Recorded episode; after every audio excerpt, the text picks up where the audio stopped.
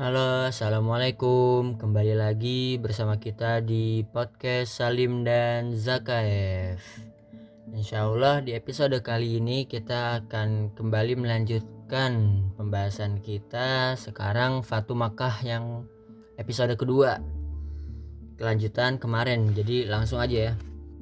Rasulullah Shallallahu Alaihi Wasallam bersama kaum muslimin melanjutkan perjalanan masih dalam keadaan puasa Lalu ketika tiba di Al-Qadid yaitu sebuah sumber mata air yang terletak di antara Al-Qadid dan Usfan, Rasulullah SAW bersama kaum muslimin berbuka di sini.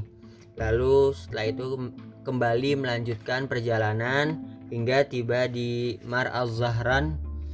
Di Mar al-Zahran ini Rasulullah bersama kaum muslimin berhenti dan beristirahat mereka menyalakan api unggun dan Rasulullah Shallallahu Alaihi Wasallam mengangkat Umar bin Al Khattab sebagai penjaga. Dan ketika itu, ketika pasukan Muslimin sedang singgah di Mar Az-Zahran ini, Al Abbas menjumpai seseorang yang bisa memberi kabar kepada beberapa orang Quraisy agar mengatur keamanan sebelum Rasulullah masuk Makkah. Al Abbas ini kan udah masuk Islam ya. Lalu mereka uh, Al Abbas ini berputar-putar sambil menunggang bagol milik Rasulullah Shallallahu Alaihi Wasallam yang berwarna putih. Dan ketika itu di sisi lain ada Abu Sufyan yang juga sedang mencari informasi tentang kabar kaum muslimin dari eh, bersama Hakim bin Hizam dan Budail bin Zarqa. Di sisi Quraisy sendiri Allah menjadikan orang-orang Quraisy ini tidak mendengar kabar keberangkatan Rasulullah Shallallahu Alaihi Wasallam dan pasukan Muslimin ini. Jadi orang-orang Quraisy itu benar-benar nggak tahu apa kalau misalnya pasukan Muslimin bersama Rasulullah Shallallahu Alaihi Wasallam berangkat menuju Makkah. Sekalipun orang-orang Quraisy tetap merasa waspada dari kaum Muslimin. Dan ketika itu Al Abbas yang sedang mencari orang untuk bisa memberikan kabar seperti yang sudah disebutin tadi mendengar bahwasanya ketika lagi berputar-putar itu mendengar suara Abu Sofyan dan Budail bin Zarko yang sedang berbincang-bincang. Lalu ketika itu Al Abbas nyaut, e, apakah itu Abu Hanzalah? Lalu dibalas lagi tuh sautannya apakah itu Abul Fadl? Dan kan itu Abul Fadl itu nama kunyahnya Al Abbas ya. Lalu Al Abbas menjawab benar. Dan Abu Sufyan berkata ada apa dengan dirimu? Demi ayah dan ibuku sebagai jaminanmu. Lalu Al Abbas menjawab itu Rasulullah Shallallahu Alaihi Wasallam di tengah orang-orang. Demi Allah amat buruklah orang-orang Quraisy. Jadi sebelum itu flashback dulu sedikit sebelum Al Abbas ngedengar suara Abu Sufyan dan Budail bin Zarko ini lagi ngobrol tentang uh, api unggun yang apa sangat besar ada di dekat di Mar Az-Zahran ini. Dan mereka nggak tahu ini api unggun siapa. Mereka mereka kira ini api unggun ini adalah api unggunnya orang-orang Khuza'ah. Dan ketika itu Al Abbas ngasih tahu bahwasanya itu adalah api unggun dari kemah pasukan muslimin bersama Rasulullah Shallallahu Alaihi Wasallam. Dan ketika itu Al Abbas mengajak Abu Sufyan bertemu dengan Rasulullah Shallallahu Alaihi Wasallam untuk mendapatkan jaminan keamanan. Dan akhirnya Abu Sufyan ikut bersama Al Abbas dan ketika itu setelah sampai di perkemahan kaum muslimin dan bertemu dengan Umar lalu Umar berkata kepada Abu Sufyan Hai Abu Sufyan, musuh Allah, segala puji bagi Allah yang telah menundukkan dirimu tanpa suatu perjanjian pun.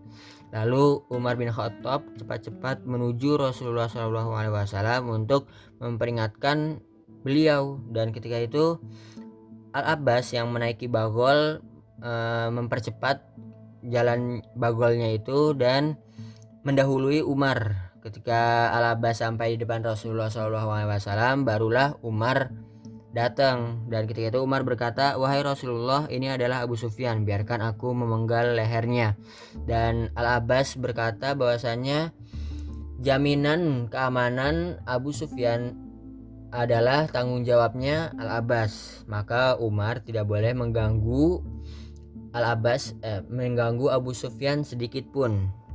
Lalu ketika itu Rasulullah SAW menyuruh Al-Abbas untuk bertemu dengan Rasulullah pada esok harinya, esok pagi.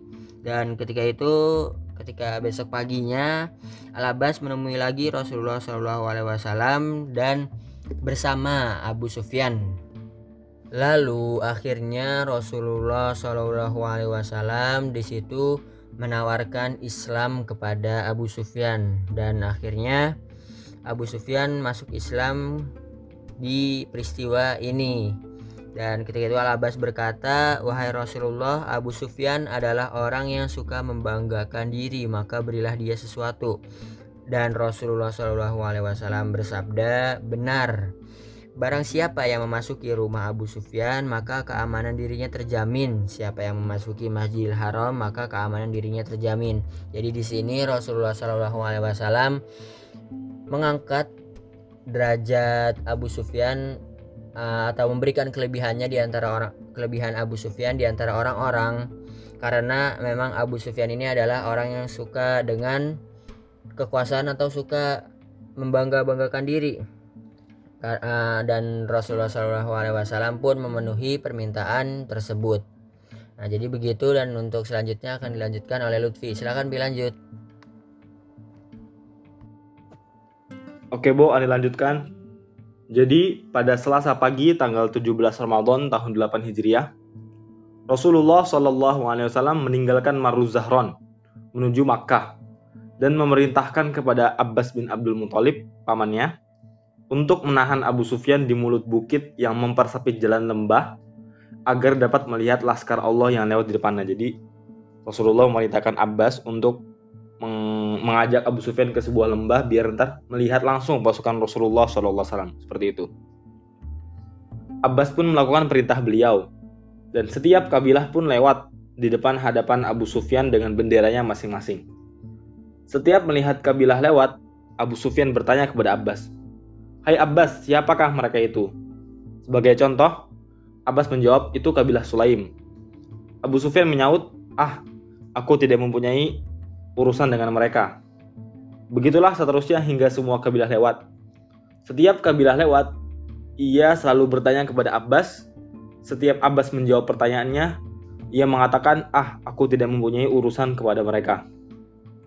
Akhirnya, lewatlah Rasulullah Shallallahu Alaihi Wasallam di tengah-tengah pasukannya yang menonjolkan warna hijau, terdiri dari kaum muhajirin dan ansor. Yang terlihat dari mereka hanyalah perlengkapan dan persenjataan mereka. Abu Sufyan bertanya, Subhanallah, wahai Abbas, siapakah mereka itu? Abbas menjawab, itu adalah Rasulullah Shallallahu Alaihi Wasallam bersama kaum muhajirin dan ansor. Abu Sufyan berkata, tidak ada seorang pun yang sanggup menghadapi mereka. Lalu ia melanjutkan, demi Allah wahai Abbas, pada hari ini kerajaan keponakanmu benar-benar menjadi besar. Abbas berkata, wahai Abu Sufyan, itu bukan kerajaan, namun kenabian. Kalau begitu, itu pasti lebih baik, kata Abu Sufyan. Bendera kaum Ansor dipegang oleh seorang sahabat yang bernama Sa'ad bin Ubadah. Ketika melewati Abu Sufyan, Sa'ad berkata, Hari ini adalah hari pertempuran.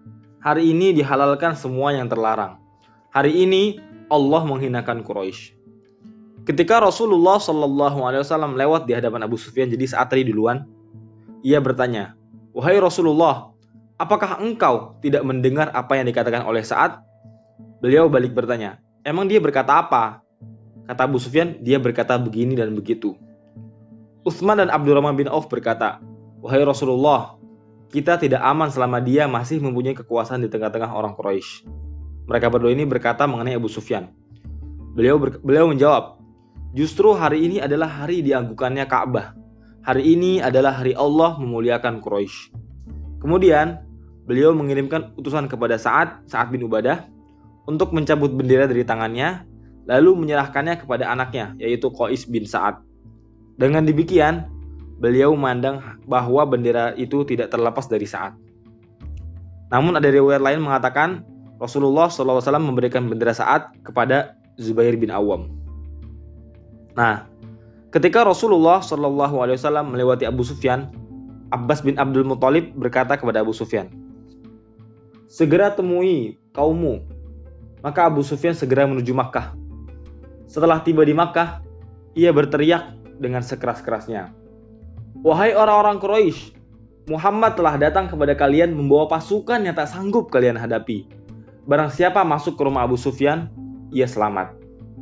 Mendengar teriakan Abu Sufyan itu, istrinya yaitu Hindun bin Utbah, binti Utbah, menghampirinya dan menarik kumisnya seraya berkata, bunuh aja nih si gembrot dan si cacat ini. Maksudnya Abu Sufyan kayak menghina gitu. Alangkah buruknya orang yang pertama kali menyambut seruannya. Abu Sufyan menegaskan lagi celakalah kalian. Janganlah kalian terparuh oleh ucapan ini ucapan Hindun maksudnya. Sesungguhnya Muhammad telah datang kepada kalian membawa pasukan yang tidak sanggup kalian hadapi. Barang siapa masuk rumah Abu Sufyan ia akan selamat. Mereka menyaut semoga Allah membinasakanmu apa gunanya rumahmu bagi kami? Abu Sufyan berkata, Oke, barang siapa menutup pintu rumahnya, ia selamat. Orang-orang Quraisy pun kemudian berpencaran. Sebagian mereka pulang ke rumah masing-masing dan sebagian lainnya menuju pergi Masjidil Haram. Pergi menuju Masjidil Haram. Di antara mereka ada juga yang mengatakan, kita harus hadapi mereka, hadapi kaum muslimin maksudnya. Apabila Quraisy masih mempunyai suatu rencana, kita bergabung dengan mereka. Apabila mereka kalah, kita berikan apa yang diminta dari mereka. Beberapa orang Quraisy yang berpikiran pendek ini kemudian bergabung dengan dengan Ikrimah bin Abu Jahal, Sofwan bin Umayyah, dan Suhail bin Amru di Khondamah untuk memerangi kaum muslimin. Di antara mereka juga ada seseorang dari Bani Bakar yang bernama Hamas bin Qais. Ketika mempersiapkan perlengkapan senjatanya, istrinya berkata, untuk apa engkau mempersiapkan senjata-senjata ini? Untuk menghadapi Muhammad dan para pengikutnya, jawab Hamas. Istrinya berkata lagi, Demi Allah, tidak ada sesuatu pun yang mampu menghadapi Muhammad dan rekan-rekannya. Hamas berkata lagi, Demi Allah, aku berharap dapat menjadikan sebagian mereka sebagai budak untuk membantumu. Nah, akhirnya Rasulullah Shallallahu Alaihi Wasallam terus melanjutkan perjalanan hingga tiba di Tua, sebuah daerah di pinggiran Makkah. Beliau menundukkan kepalanya karena merendahkan diri kepada Allah ketika melihat kemenangan yang Allah karuniakan kepadanya. Beliau menunduk hingga jenggotnya hampir menyentuh pelana kuda. Di sana, beliau membagi pasukannya. Di sayap kanan ditempatkan ditempatkannya kabilah Aslam dan Sulaim Ghifar, Muzainah, dan beberapa kabilah Arab lainnya. Beliau memerintahkan pasukan ini masuk dari dataran rendah Makkah. Beliau berkata, "Jika ada orang Quraisy yang menghalangi kalian, perangilah mereka hingga kalian menemui aku di Bukit Sofa." Sementara itu, Zubair bin Awam ditempatkan di sayap kiri, membawa bendera Rasulullah Shallallahu beliau memerintahkan agar masuk dari dataran tinggi Makkah, yaitu dari daerah Kada, dan menancapkan benderanya di Al-Hujun, serta tidak boleh meninggalkan tempat itu sebelum beliau tiba di sana. Sedangkan Abu Ubaidah bin Jarrah bersama orang-orang yang tidak bersenjata diperintahkan masuk dari tengah lembah hingga masuk Makkah di hadapan Rasulullah Shallallahu Alaihi Wasallam. Nah, pada episode kali ini cukup sekian. Kurang lebih mohon maaf. Barakallahu fikum. Wassalamualaikum warahmatullahi wabarakatuh. Jangan lupa nantikan episode-episode selanjutnya.